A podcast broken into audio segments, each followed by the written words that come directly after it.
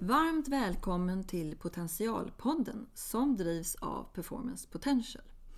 Jag som intervjuar heter Marika Skärvik och är VD för Performance Potential. Tanken är att vi ska föra spännande samtal med kloka ledare som vi har valt ut om deras syn på ledarskap och deras erfarenheter. Vi hoppas komma lite under ytan och få lite mer personliga och intressanta berättelser. Vår tanke med den här podden är att du som lyssnare får med dig inspiration och konkreta värden som du kan använda i din vardag och i din organisation. Varmt välkommen hit Lars Backhans, VD på Esri Sverige. Jag är jätteglad att du är här och jag vill föra ett litet samtal med mig om ledarskap. Tack Marika. Tack för att jag fick komma. Mm. Kan inte du berätta lite mer om dig och vad ditt företag gör för någonting? Eh, eh, vi på Esri Sverige, vi är distributörer till eh, Esri i USA som är världens största utvecklare av programvara för att kunna utveckla geospatiala eller geografiska informationssystem. Vill du berätta lite mer om vad det innebär kanske? Inte säkert alla hänger med på det. Ja. Säg att man vill bygga ett, en IT-lösning för någonting som, eh, där platsen är viktig. Till exempel ett eh, ett, ett, eh, en IT-lösning för att hantera kringresande säljare till exempel. Var de är någonstans eller fördela ut arbetsuppgifter eller följa upp dem eller genom en möjlighet att navigera dit de ska och så vidare. Då är det bra att man utgår ifrån ett geografiskt informationssystem, ett så kallat GIS, när man bygger den typen av lösning. Och det är sådana typer av plattformar som vi säljer. Vad bra, då har vi fått, fått lära oss det, eller hur? Eh, ledarskap då, vad, vad, vad, vad, betyder det, eller vad innebär det för dig? Om du skulle sätta lite egna ord på det. Eh, eh, jag tänker så här, det är nog eh, applikationen av att få någonting utfört genom en organisation, tror jag. Alltså eh, arbetet i att få någonting utfört mot ett strategiskt mål genom, genom en, eller via en organisation. Det tror jag är ledarskap. Mm. Och om du pratar om ditt eget ledarskap, då, vad, vad, vad, känner du att du vill representera? Så, hur ska man uppfatta dig som ledare? Vad vill du sända ut för någonting, tänker jag? Eh, riktning, mål. Vad har vi för mål? Eh, empati. Bry mig om folk. Eh, att eh, jag tror på frihet under ansvar, eller autonomi. Ehm, eh, och att jag tänker att det är upp till var och en av oss att försöka bli så bra på det vi gör som vi bara kan. Mm. Och, hur ser en dag ut på jobbet då? Jag tänker det kanske inte är helt enkelt att beskriva, men om du tänker en måndag och en fredag. Liksom, bara, om jag skulle följa med in i din vardag, hur, skulle den, hur ser den ut? Eh, ganska mycket möten tror jag är någonting som de flesta av oss som jobbar som chefer får stå ut med. Eh, men, men åtminstone lika mycket externa möten med kunder och partners som, som internt. Då. Men det är klart, det behövs en del möten eh, internt bara för att synka saker och få saker och ting att fungera ihop. Då. Eh, om, eh, när, du, när dagen är slut om man säger så här, och, och, du är riktigt nöjd. Liksom, vad, vad, vad har du åstadkommit då, den där dagen? Ja, en bra fråga. Jag, jag tänkte, när, du, när du ställde den frågan då tänkte jag så här. Jag blir riktigt nöjd när min organisation gör saker. Inte när jag gör saker. Så jag börjar riktigt, riktigt nöjd. Då, då är det någon som ringer till mig eller man träffar på kontoret och berättar. Vet du, vi gjorde det här och det här. Eller vi gjorde den här kunden nöjd eller extra nöjd. Eller vi, vi gjorde den här affären eller något sånt där. Och, och wow, coolt. Mm. Mm. Um, ledarskapet innehåller ju både kan man säga, ja, lust och, och, och, svårigheter. så att säga. Om du skulle, om du skulle beskriva någon någonting där du känner att det här är riktigt utmanande och kanske energikrävande kontra det här är väldigt lustfyllt. Om du skulle liksom ta varje del i sig där, hur skulle du, skulle, vad skulle det vara för dig? Så att säga? Vad, är, vad, är, vad är knepigt och energitagande och vad är lustfyllt? Jag tror, jag tänker så här, för, för min egen del. Det som drar mest energi ifrån mig det är när jag får brottas med min empati. När jag är tvungen att ge någon medarbetare ett tråkigt besked. Eller jag blir tvungen, ja, i, alla aspekter av det tänker jag. Eh, där jag känner att det, men den här personen kommer inte bli glad. Den här personen kommer bli ledsen. Jag är tvungen att göra någon besviken eller ledsen eller så. Det tror jag det är en energitjuv. Och vad, vad, händer, vad händer med dig då, tänker jag, i en sån situation?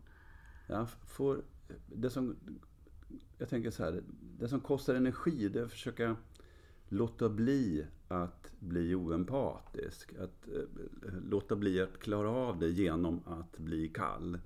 Utan att bara stå ut med eh, att det är jobbigt när det är jobbigt. För det tror jag är en viktig princip. Liksom får man, inte, man får inte skygga från det faktum att det, alltså det som är jobbigt, det borde ju vara jobbigt. Liksom. Annars är man ju sjuk, tänker jag. Mm. Mm. Det som är lustfyllt då? Vad... Ja, det är nästan allting, tycker jag. Ja. Är det något speciellt sådär som... Det är så många olika saker. Det kan vara när vi är på den här, världens största eh, GITS-konferens i USA och man får vara med någon, någon kund som har fått ett, eh, en award. Liksom, som har visat att de är en av de bästa i världen på det de gör. Det tycker jag är jätte, jättehäftigt faktiskt. Eller bara slå sig ner med någon som har kommit på någonting. Eh, För att lösa någonting eller göra någonting bättre. Eller så, det mesta tycker jag är lustfyllt med att vara chef. Hur, hur, um, hur hushåller då kan man säga med den här energin och lusten hos dig själv? Alltså hur, hur tar du hand om den och, och eh, din egen potential kanske i de här frågorna? Alltså, har du något knep där för att vara hållbar i den frågan? Jag vet. Alltså jag... Ehm, jag gick en sån här eh, kurs helt nyligen i uh, utveckla ledarskap. Så här, Transformational leadership heter det ju på UL. Och eh, det pratar man om att utöver att vara en bra chef, eh, att kunna strukturera, organisera, följa upp och, så vidare. Så det är bra om man är empatisk, om man är en bra eh, role model, om man är autentisk och om man kan entusiasmera eller vita, visa vart man är på väg någonstans. Och tänka så här, ja, eh, vissa saker i chefskapet är inte roligt. Men det är inte, inte roligt heller, det är bara att göra. Och där känner jag att jag idag jämfört med för kanske 20 år sedan gör det som måste göras utan att det kostar mig någon energi. Alltså, jag bråkar inte med mig själv. Liksom så här, måste jag, äh, gud jag måste fylla i det eller göra det eller liksom den här eh, det eller det. Men utan att jag tänker bara, det ska bara göras. Jag bråkar inte, det kostar ingen energi att gå in i det. Jag vet att det måste göras, då, då gör jag det. Mm. Är, det. är det någonting som ledarskapet har lärt dig kanske? Att öva på den här förmågan? Eller har du... Ja, det tror jag. Ja. Ja, det tror jag. Och, och annat också, tänker jag. Ehm, jag tycker om att cykla. Jag cyklar Vätternrundan och sådana grejer. Och cyklar mountainbike och sånt. Eh, och då är det ju också om man cyklar ut från Motala och så vet man att man har 300 kilometer framför sig. Då ska man inte börja med att tänka Gud vad träligt det här blir. liksom, eller ha för mycket motstånd i det. Utan det är på något sätt bara göra. Liksom. Ehm, så man lär sig nog Har man bara ögonen öppna, tänker jag, då lär man sig nog av det mesta. Och det mesta går att applicera in i något annat sammanhang också. Jag tänker om man är i en väldigt utmanande situation eller eh, en krissituation eller så. Är det, använder du samma som verktyg då? Eller har du något särskilt om det liksom riktigt eh, vad heter det, knyter till på något sätt? Har du några råd där? Hur ska, vad ska man tänka på som, som ledare när, när man hamnar i en riktigt knivig situation?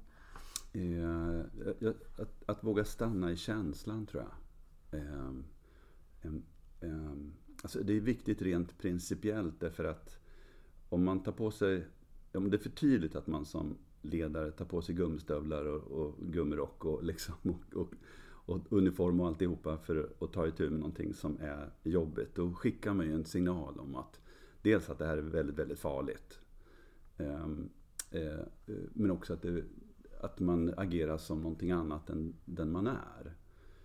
Så jag tänker att det, det, är de viktigaste råden, tänker jag. Det är att våga stanna i känslan. Tror jag. Mm. Um, det här med, vad kan jag säga, det här med att lura sig själv. Um, ibland kan man ju kanske som ledare in, intala sig eller inbilla sig någon slags mental, vad ska jag säga, eh, träning att, att saker och ting eh, är annorlunda än vad de är. Eh, har du gjort det någon gång? Har du lurat dig själv någon gång? Har du funderat på det? I vilket sammanhang då, då tänker du? Ja, inför, inför en eh, svår situation. Att man kanske som, har någon inre röst som... Som överdriver att det är positivt? Eller, ja, försöker, eller åt andra hållet. Kanske. Eller åt andra hållet. Ja. Nej, alltså är det någonting som jag... Eh, en kollega som är VD för ett annat företag i vår företagsgrupp han, han, eh, vi, vi pratade om det där. Ehm, hur tänker man om vad som ska ske härnäst? Hur, vad brukar man ha för förutsättningar? Liksom? Vad, hur tänker man så här? Och, och, vi kom fram till att jag är ju jag är positivt förväntansfull alldeles i onödan många gånger. Därför att det inte blir så bra. Så och, men jag tror att det där är... Och, han är då tvärtom. Han är liksom negativt inställd lite för många gånger. Eh, fler gånger än jag skulle behöva. Och det där är en läggningsfråga tror jag. Och utifrån det perspektivet så eh, kan jag säkert lura mig själv. Men det är ingenting som jag bestämmer mig för att eh, jag ska lura mig själv. Utan det, det tror jag bara är en läggningsfråga. Jag tänker så men det går nog ganska bra det här tänker jag. Mm. Det kan vara självbevarelsedrift också förstås. Ja, men det, det tror jag. Åt båda håll är det förstås det. Alltså, om, man, eh, om man har negativa förväntningar så slipper man ju bli besviken. Eh, eh, och, och, det är ett sätt att hantera saker och ting. Eller eh, så tänker man att ja, det går nog bra. Och det är också ett annat sätt. Då. Det är bara ett sätt att hantera det tror jag. Ehm, det här med värderingar, och det är ju något som eh, många pratar om och använder på olika sätt och vis. Och, så. och värderingar är ju väldigt emotionellt kopplade många gånger. Det är liksom de situationerna som, som kanske upprör en positivt eller, eller negativt. Så. Vad, vad tänker du om, om värderingar och ledarskap? Ditt eget ledarskap och dina egna värderingar. Vad har du för tankar kring det? Ja, eh, jag gör fråga. Jag ska försöka bena ut det lite grann. Genom det ska jag ta, ta och beskriva en eh, situation. Jag kommer inte ihåg, vi har ju jobbat på samma arbetsplats du en gång. Eh, på det stora amerikanska mjukvaruföretaget. Och eh, vid något tillfälle så fick vi alla mejl samtidigt. Från den som då var, eh, jag kommer inte ihåg om han var VD då. Det stod så här att liksom, the office of presidents have decided liksom att nu är det de här sex värderingarna som gäller på den här firman. Och så gick det ut till alla kommer jag ihåg hur många vi var då, 75 000 medarbetare och sånt där. Och det är helt absurt. Liksom, att, att säga så här, från och med nu är det här som gäller. Eh, så eh, jag tänker, kanske det du är ute och fiskar efter också, jag tänker att värderingar eh, har man ju själv. Man har ju värderingar med sig.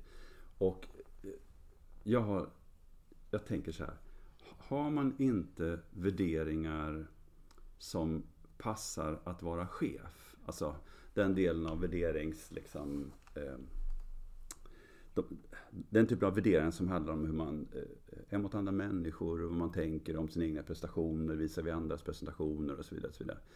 Om man inte har värderingar som, som passar för att vara chef, då ska man inte vara chef. Liksom om man är alldeles för som egoistiskt eller om man är, är skyller på andra eller liksom, vad det nu är för någonting. Då, då, ska man bara hålla sig borta från att vara chef, tänker jag. Mm.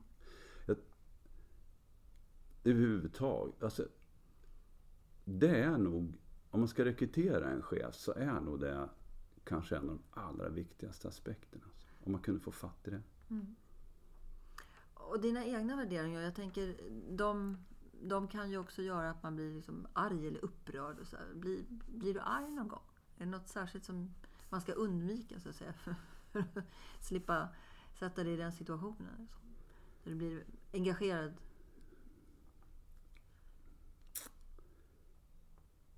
Du, Ja, kanske, att- alltid, du kanske alltid är cool. Ja, men, nej, men, alltså, jo, nej, men jag är nog rätt, jag är nog rätt cool. Alltså jag är nog... Jag brukar tänka, Rom byggdes inte på en dag. Brukar jag tänka. För jag skulle kunna bli irriterad när saker går långsamt. Så då, det... Ja, om jag återkopplar till det du frågade till, det lurar jag mig själv på. Alltså det på något sätt styr jag över mig själv. Att, att påminna mig själv att, att Rom byggdes inte på en dag. Och sen så eh, tänker jag att även solen har fläckar. Och, och det, det gäller ju andra då. Så att jag inte ska bli dömande i mina egna tankar när jag, när jag tittar på andra människor. Men också mot mig själv. För liksom, man kan inte vara allt för självkritisk. Man kan liksom inte kritisera allt hos sig själv. Eller så. Så, att, så det gäller åt båda håll. Eh, eh, Även solen har fläckar. Och upprepning är kunskapens moder. Det hänger väl ihop med att Rom inte byggdes på en dag, tänker jag. Men att, att bara stå ut med det faktum att är så, vissa saker är svårt för en del att lära sig. Och det är inte av oginhet eller ovilja, utan det är svårt. Och är det svårt så är det svårt och då får man på något sätt ta hänsyn till det. Ehm, Det är ju många som pratar om det här med att sova på nätterna. Eller inte sova på nätterna kanske jag ska säga. Det är en, nästan en folk... ehm, Ja, blivit en folksjukdom. Och det här med ledare och hur vidare, samvete och annat och så. Hur, hur är det med dig? Sover du bra på nätterna? Och om du inte skulle göra det, vad, vad är det då som upptar liksom ditt, ditt sinne? Ja. Ehm, om, ehm, alltså, om, om, jag, om ett av skälen till att jag sover bra på nätterna. Men om, om, om jag inte skulle sova bra på nätterna därför att jag hade dåligt samvete. Då tror jag man måste sluta faktiskt. För då jobbar man med fel grej på fel företag eller vad det nu är för någonting. Ehm, tänker jag. Men alltså jag tror det är ingen dålig det är ingen dålig indikation på hur man har det, tänker jag, i sitt ledarskap. Huruvida man sover eller inte sover på nätterna. Liksom så här. Jag kan tänka mig att det är lätt hänt att, ehm, att om man tar på sig för mycket, om man är en sån som tar på sig väldigt mycket och har väldigt stort kontrollbehov. Att man kan ligga och idissla och gnissla tänder på, på, på nätterna. Men jag är inte lagd åt det hållet. Jag tror på autonomi. Det är som jag tror stenhårt på autonomi, på frihet under ansvar. Mm, mm. Ehm, är, är det något särskilt som du tror att du har lärt dig som människa eh, genom att faktiskt vara ledare? Som du kanske inte skulle ha gjort annars? Är det något du har fått liksom, öva på eller träna på som, man- som på något sätt har bidragit till de här insikterna och så? Ehm.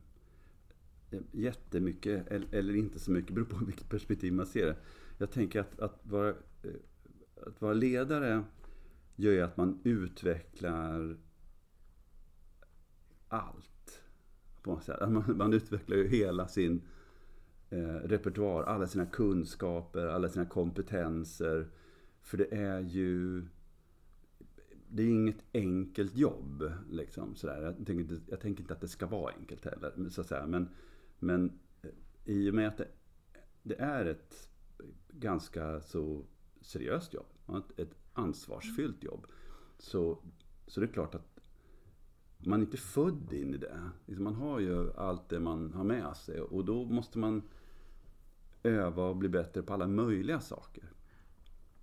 Eh, och det hade jag ju inte behövt göra om jag inte hade jobbat som chef, tänker jag. Nej, du var, du var inne lite på det här med ansvar och, och mandat och kanske, du sa inte ordet makt då, men jag säger det nu, och det här med att bestämma och så.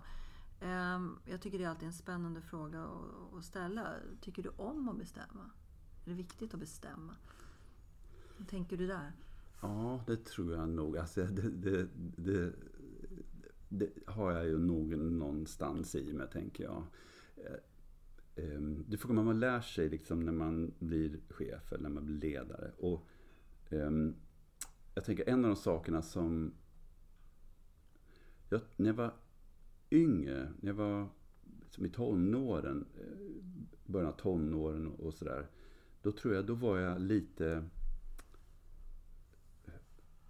Lite inofficiell ledare. Jag var, inte, jag var inte den officiella ledaren i gruppen. Men jag influerade nog många beslut. Eh, ändå. Och det som har hänt liksom, i mina olika chefsjobb, det är väl att jag har under här, alla de här åren så har jag på något sätt klivit fram i det och, och kanske blivit ärlig att jag har faktiskt inget emot att bestämma. Eh, men samtidigt är det en fälla det där eh, som man kan trilla ner i. Ehm, jag, vet, jag hade en kollega som sa, men gud, vi borde bestämma mycket mer grejer. Vi borde fatta mycket fler beslut nu. Liksom. Det skulle bara en hel radda med beslut i ledningsgruppen som man skulle liksom... Men och jag sa, vad då för? Varför det? Liksom, vad är det? Det är, det är nämligen en risk när man tänker sig att man ska vara beslutsam i allt. Det är att man fattar beslut åt folk som borde fattat dem själva. Mm. Och det, det, det, är nog en av... Jag tänker så här, ledarskap handlar nog väldigt mycket om balans. Alltså balans i alla aspekter av allting. Liksom när ska man bli detaljorienterad, när, man ska, när ska man inte vara det? När ska man styra, när ska man inte styra? När ska man sätta ner foten, när ska man inte göra det? När ska man lämna över ansvaret helt och hållet och när ska man inte göra det? Och så vidare. Det tror jag är... Eh, det, jag tror det, det, är skickligheten som man, som man utvecklar som, som ledare. Det är en del av skickligheten att, att förstå liksom, att saker och ting är på något sätt på, på något snöre eller från ena aspekten till den andra och det gäller att hitta en balans. Mm. Men det är inte samma hela tiden. Det handlar ju om att, att, att spela på gehör ibland. Folk är olika och, och, och Rom byggdes inte på en dag. Liksom. Mm. Om, om du skulle få leva om säga, din, din, din karriärliv, eller vad ska jag kalla det för, i ledarskapsperspektiv då.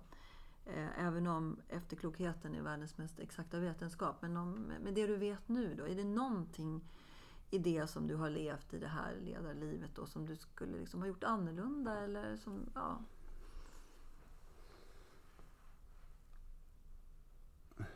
Alltså, ett, ett, jag tänk, när du sa så här, det första som dök upp i huvudet på mig, det är liksom det att jag, jag har ju alltid varit lite av en late bloomer. Eh, sådär va. Och, och det kanske har varit utifrån att jag har trott att, att ledarskap är någonting som som är definierat någonstans. Alltså om man bara läste tillräckligt mycket eller då, då kunde man säga, ja så här gör man. Och, och, och så ska man försöka eh, vara sån. Och nu är det så här att jag är late bloomer. Det var länge sedan jag släppte den idén. Eh, verkligen länge sedan. För det är ju inte så. Liksom, utan man, man, man, är, man, man är ju själv ett instrument. Liksom. Och, eh, och om man inte tänker att man duger, då ska man inte vara chef. Det är ingen idé. Liksom, det är bara att gå och se upp dig, tänker jag. Alltså verkligen. För annars så, annars så slutar det med att man inte kan sova mm. på nätterna. Um, så, men, det, men det tänker jag att uh, att förstå att man att man bara har det man har. Utgångspunkten är given på något sätt eh, för var och en av oss. Individuellt. Mm. Eh, och det är det man har att eh, spela med. Mm. Det är liksom musikinstrumentet. Så är mm. man en basfiol så är man en basfiol. Är man en trumpet så är man en trumpet. Liksom, mm. på något sätt. Mm. Eh, och så kan man lära sig grejer men man måste ju utgå från vad man själv är. Tänker jag. Eh, avslutningsvis då, om du skulle, om du skulle ge tre råd till ehm, ja, din omgivning, andra ledare eller personer som, som du känner att de här tre sakerna, det skulle, jag, det skulle jag vilja förmedla. Det här är sånt som jag har, ja, vill att ni skulle ta med er om du skulle vara någon form av rådgivare eller kanske mentor. Se om jag hittar tre då. Eh, mm. Jag börjar med en. Eh, och det har jag haft med mig länge men jag fick det på något sätt bekräftat när jag gick den här UL-kursen. Ehm, eh, empati är ju en superpower. Eh, om man ska vara ledare. Och då kan man tänka här, ja, eh, kan man inte, ska man inte kunna liksom prata på ett sånt sätt så folk tror att man är empatisk? Och så säga, nej det kan man inte. Det, är som, man uppfattar det. Den där gitarren är felstämd helt enkelt. Det känner vi på oss, för vi är djur på något sätt. Liksom. Och, eh, och om du inte är empatisk, om du inte känner empati för andra människor, bli inte chef. liksom. Mm. Och om, om du tvekar på eh, om du ska rekrytera en, en, en chef under dig. Om du tvekar på om den personen eh, är empatiskt lagd eller inte. Eller om du tänker, fan de här har nog lite empatisvikt sådär. Anställ dem inte som chef. I alla fall. Det, det, det tror jag är en, eh, viktig princip. Och, och, och likadant med ehm, self-awareness. Alltså förmågan att, att begripa hur man, hur man gör och varför man gör det. Och, och, och ha något slags metaperspektiv på, på sig själv och, och, hur man lirar i omgivning och så vidare. Men har man inte det så tror jag inte heller man ska vara chef faktiskt. Och man, man ska inte anställa sådana heller, tänker jag. Mm. Det är väl, det är väl de mm. viktigaste tror jag. Ja. Mycket klokt, tänker jag. Jaha. ja. um, supertack ja. För att du kom hit och uh, ville prata lite med mig idag. Ja. ja uh, stort tack. Ja, tack själv.